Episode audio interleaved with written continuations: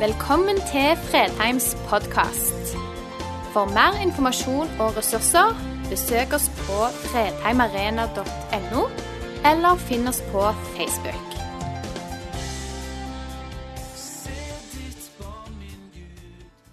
Forrige søndag og denne søndagen så følger vi kirkeårets tekster, de som brukes i Den norske kirke på disse to adventssøndagene.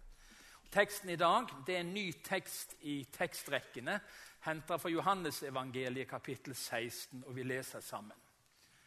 Når en kvinne skal føde, er hun engstelig, for hennes time er kommet. Men når barnet er født, har hun glemt smertene i sin glede over at mennesket er kommet til verden. Også dere er engstelige nå, men jeg skal se dere igjen. Og hjertet deres skal glede seg, og ingen skal ta gleden fra dere. På den dagen skal dere ikke ha mer å spørre meg om. Sannelig, sannelig, jeg sier dere, hvis dere ber Far om noe, skal Han gi dere det i mitt navn. Hittil har dere ikke bedt om noe i mitt navn. Be, og dere skal få, så gleden deres kan være fullkommen. En kort konsis tekst som står i en sammenheng i Jesu avskjedstale til sine disipler. Det er kvelden før langfredag, og Jesus har samla sine nærmeste. og I flere kapitler så taler han om det som ligger foran. Og Hele dette avsnittet som vi leser fra, begynner i vers 16. Om en liten stund ser dere meg ikke lenger, men om en liten stund skal dere se meg. I sammenhengen forstår vi at Jesus forbereder vennene sine på at han skal dø, han skal forlate dem, men han taler også om sin oppstandelse. Og Så går det et djupere spor i disse tekstene. At en dag så skal han opp til himmelen.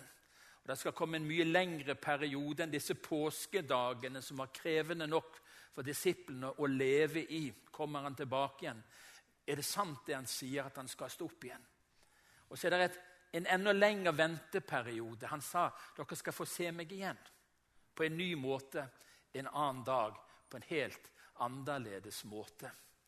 Det er flott. Jeg innrømmer det. Det er nydelig å se når noen går og venter. Og Her på huset er det noen som venter stort sett hele tiden. Vi er velsigna med det, at det er mange som, som venter. Og Jeg leste i dette lille avisstykket det er mye glede og forventning. Det er Jeg klarer nesten ikke lese. Det er mye glede og forventning i det å vente på noen. Jeg er ikke helt enig generelt. Men spesielt det å vente på barnet som skal fødes, det er det mye glede og forventning i. Ellers liker ikke jeg å vente på folk.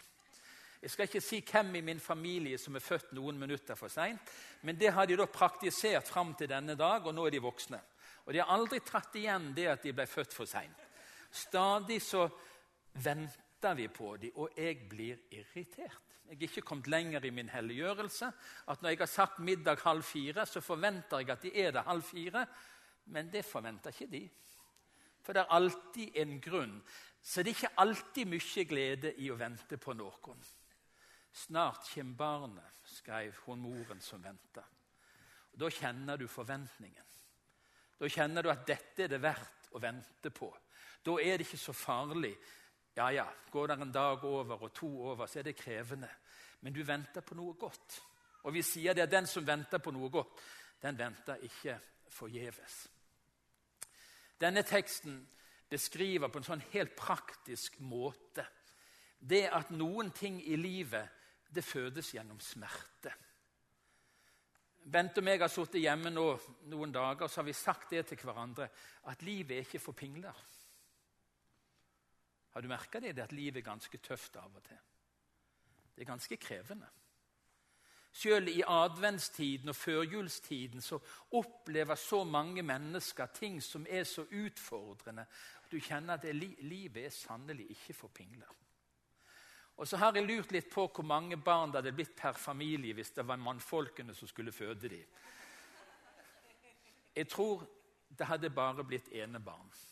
Du hadde ikke trengt en kinesisk politikk for å ha fødselsbegrensning hvis det var mennene som skulle føde dem. Eh, hva sier dere, mannfolk? Blir dere fornærma, eller kan dere ane at det er en viss sannhet i det? Ja, ja. Jeg er så glad for det at jeg har opplevd både nyrestein og gallestein.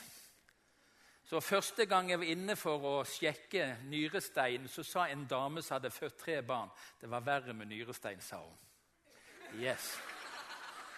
Og etter ni gallesteinsanfall på åtte måneder, og hvor òg traff noen, så sa de det var verre enn å føde. Så jeg føler jeg har gått gjennom det noen ganger.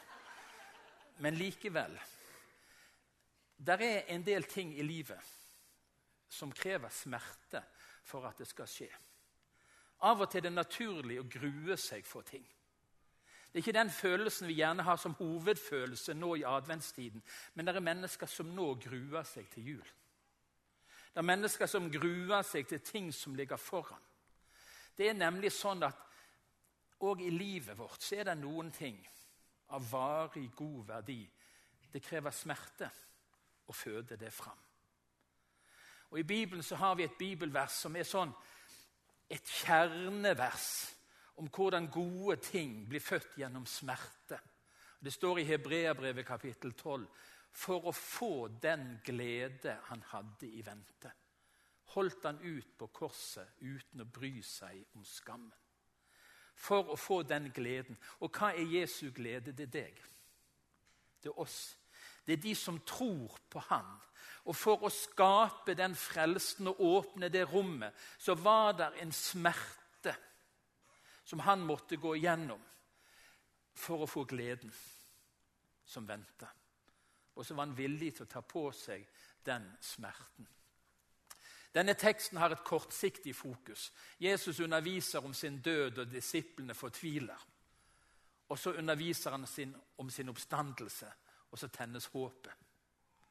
Det var noe i, i begge disse sidene. Smerten over at han skulle forlate dem, og håpet om oppstandelse. Men denne teksten, og det er derfor den er plassert denne søndagen i adventstiden, har et langsiktig fokus. Og Jesus er bånn ærlig gjennom Bibelen på at det er tøffe tider vil møte de som vil følge ham. Det har han lovt. Så hvis du tenker at det blir en kristen løser alle dine problemer, så må jeg skuffe deg. Jeg vil si Du får et par nye som du ikke hadde før. Men du får noe som er uerstattelig.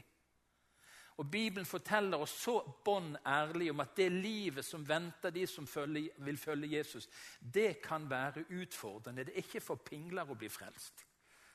Det er ganske krevende. Eh, Jesus sa rett ut at hadde de forfulgt meg, så skal de forfølge dere. For et løfte. Men han har også sagt jeg er med dere alle dager inn til verdens ende. Men så var det noe i denne teksten og i disse adventstekstene. Vissheten om hans gjenkomst. Det gir en glede som ingen kan ta fra oss.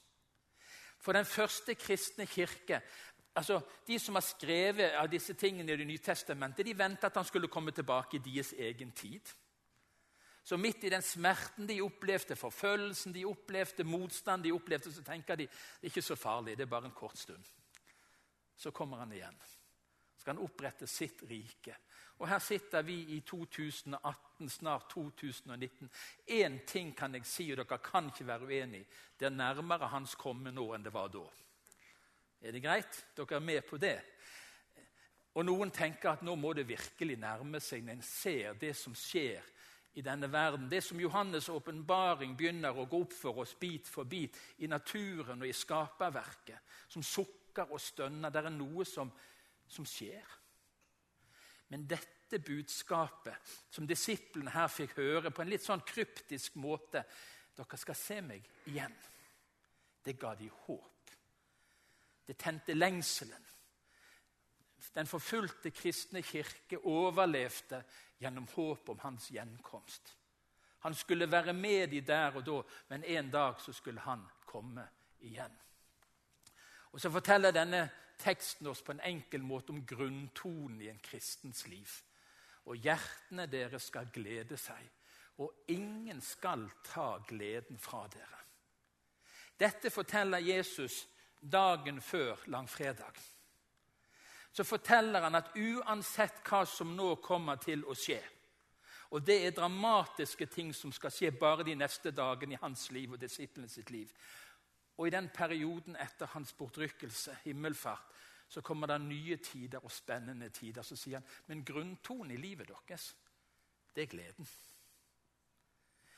Paulus skriver det 'gled dere i Herren'.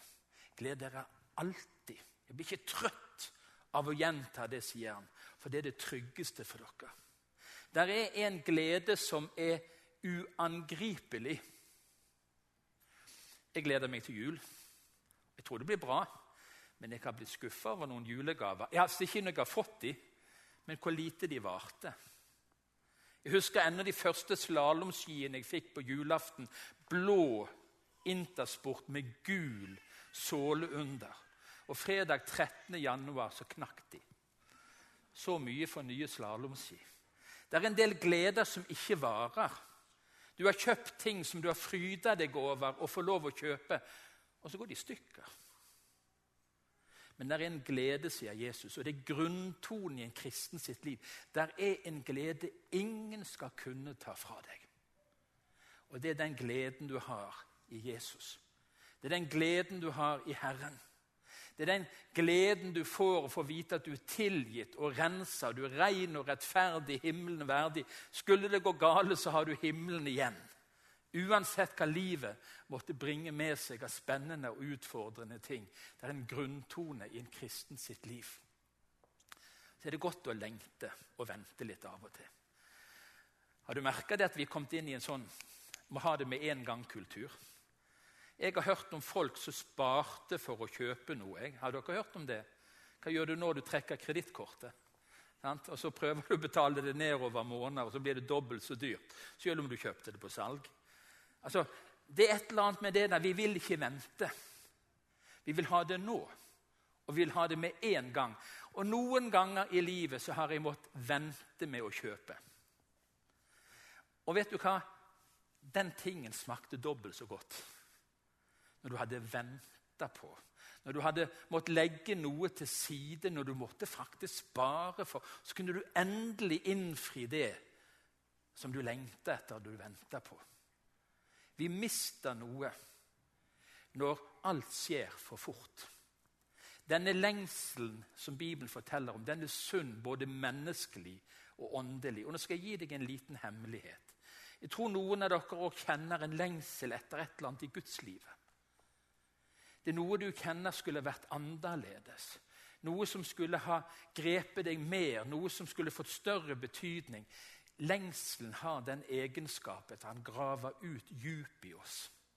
Sånn at når Jesus kommer, så er det mer rom for å ta imot. ikke det flott?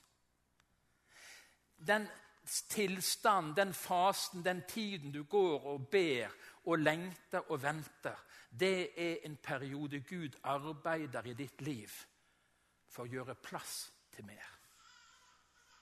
Men som han sa, Gud, gjør meg tålmodig, men gjør det fort. Altså, Vi vil ha det med en gang, men vi går glipp av noen ting når vi vil ha alt med en gang. For Gud virker òg gjennom lengselen. Han graver ut djup i livene våre. Det er få ting som er så vakker som gjensynsglede.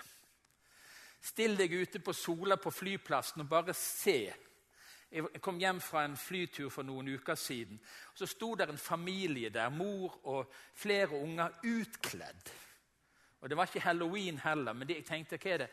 Og så sto de der og lagde et veldig skikkelig sånn Her er vi. Og så kommer der en far gående der. Du skulle sett øynene på han. Jeg vet ikke om han syntes det var helt kjekt, like kjekt som de. Men det var stilig å stå og se på, for jeg stoppet faktisk opp for å betrakte litt. Hvem er det som kommer?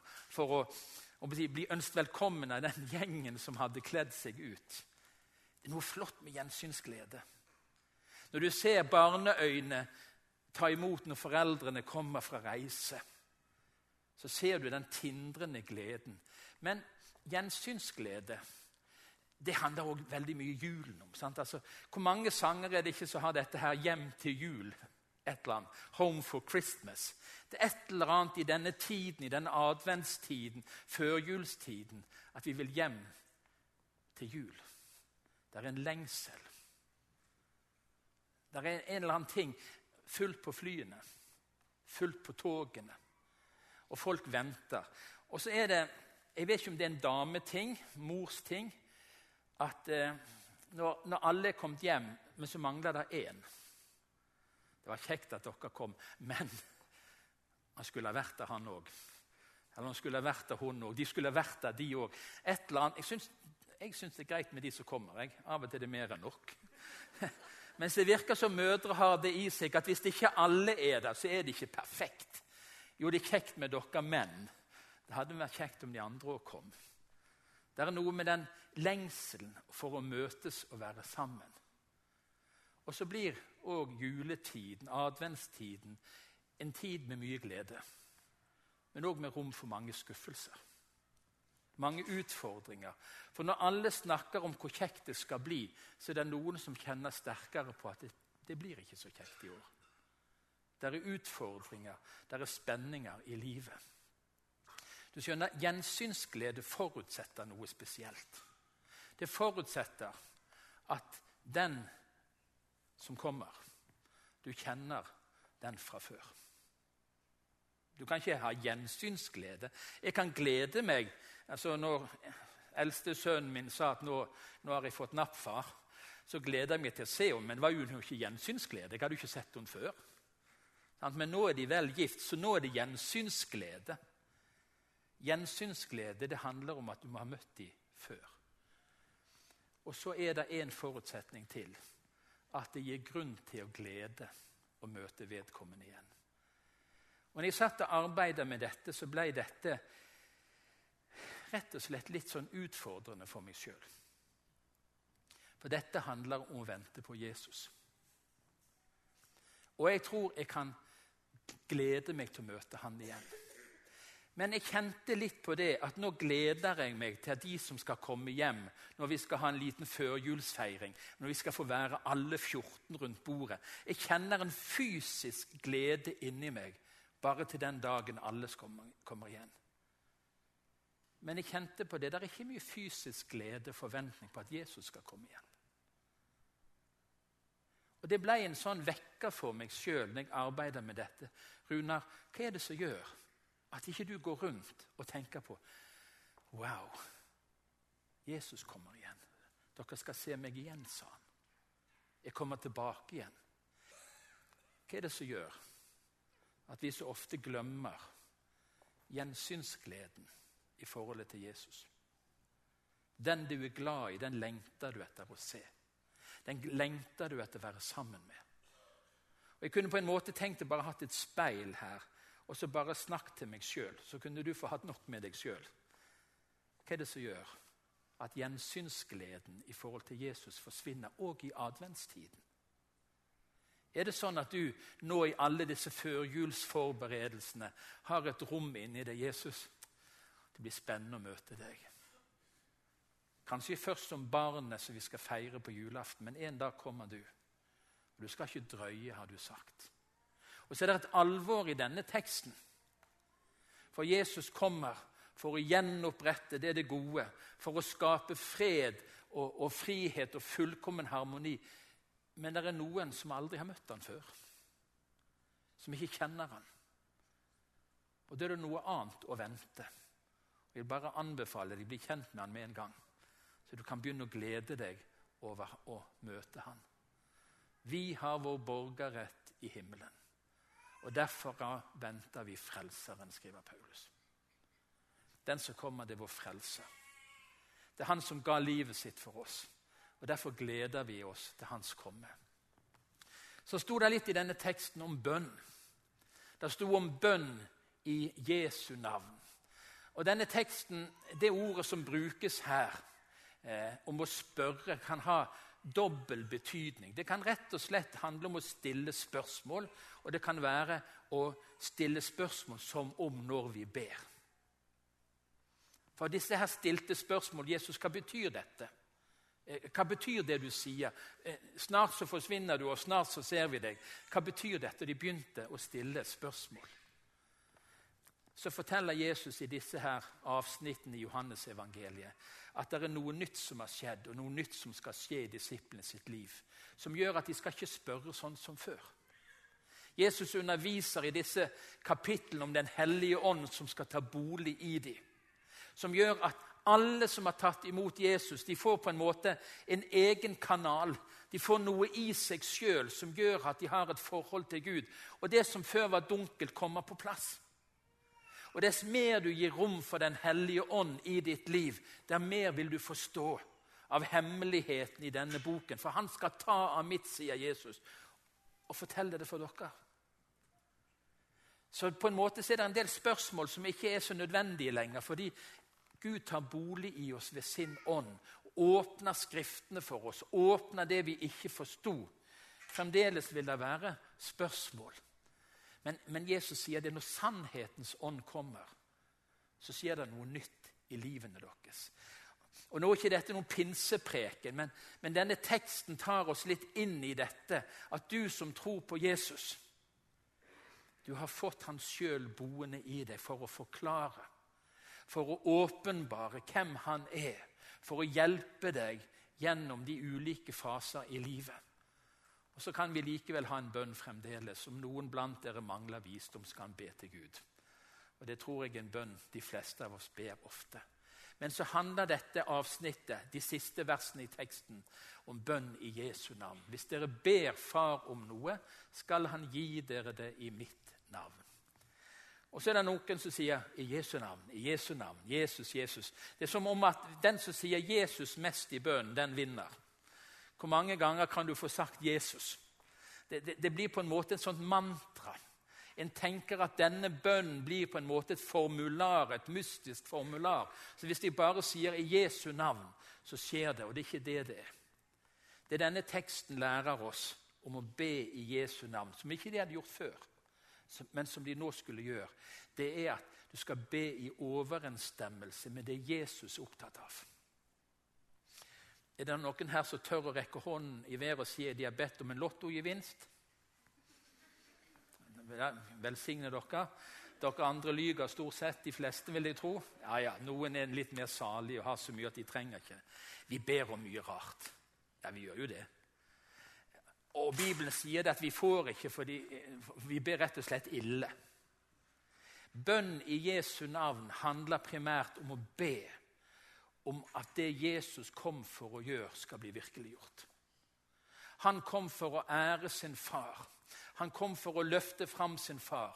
Han kom for å åpne veien hjem til Gud. Han kom for å fortelle om Guds nåde og Guds kjærlighet. Og bønn i Jesu navn handler først og fremst Jesus, må ditt rike komme. Må din vilje skje på jorden, sånn som i himmelen. Så tror jeg vi skal få lov å være frimodige i vårt bønneliv. For det er ganske tøft, det som står. Far skal gi dere det dere ber om i mitt navn. Det er et fantastisk løfte. Det er en fantastisk posisjon å få være i. For hver barnet som kommer til far og sier 'Jesus har sagt at jeg skal komme til deg med alle ting'. Og når Jesus kommer i ditt navn, og jeg vet hva du er opptatt av. Jeg vet hva du bryr deg om. Jeg vet hva som er viktig for deg. Og nå ber jeg at din vilje må skje. Og så ser du at jeg har litt vilje, jeg òg. Jeg ber for familien min, for barn og for barnebarn. Og det ligger på Guds hjerte. Vi ber for fellesskapet vårt, vi ber for byen vår. Og vi skal be enda mer for byen vår, for Gud elsker Sandnes. Og alle menneskene som bor her. Det ligger på Guds hjerte. Og så ber vi i Jesu navn. Og så er det bønn i ventetid. Hva hjelper det oss til? Det hjelper å holde oss våkne. Nå sier jeg jo det at Hvis du har søvnproblemer, så har jeg to gode råd. Begynn å be når du legger deg. Da sovner du før eller siden. Eller begynn å lese i Det gamle testamentets slektsregistrene. Da sovner du midt ute i kapittelet. Så Det er enkelte ting som virker veldig godt som sovemedisin. Men bønn i Jesu navn det holder deg våken. Når du blir opptatt av å koble deg på det Jesus vil, så hjelper det deg til å holde deg våken. Bønn i Jesu navn i ventetiden. det med å berede grunnen for at han skal komme.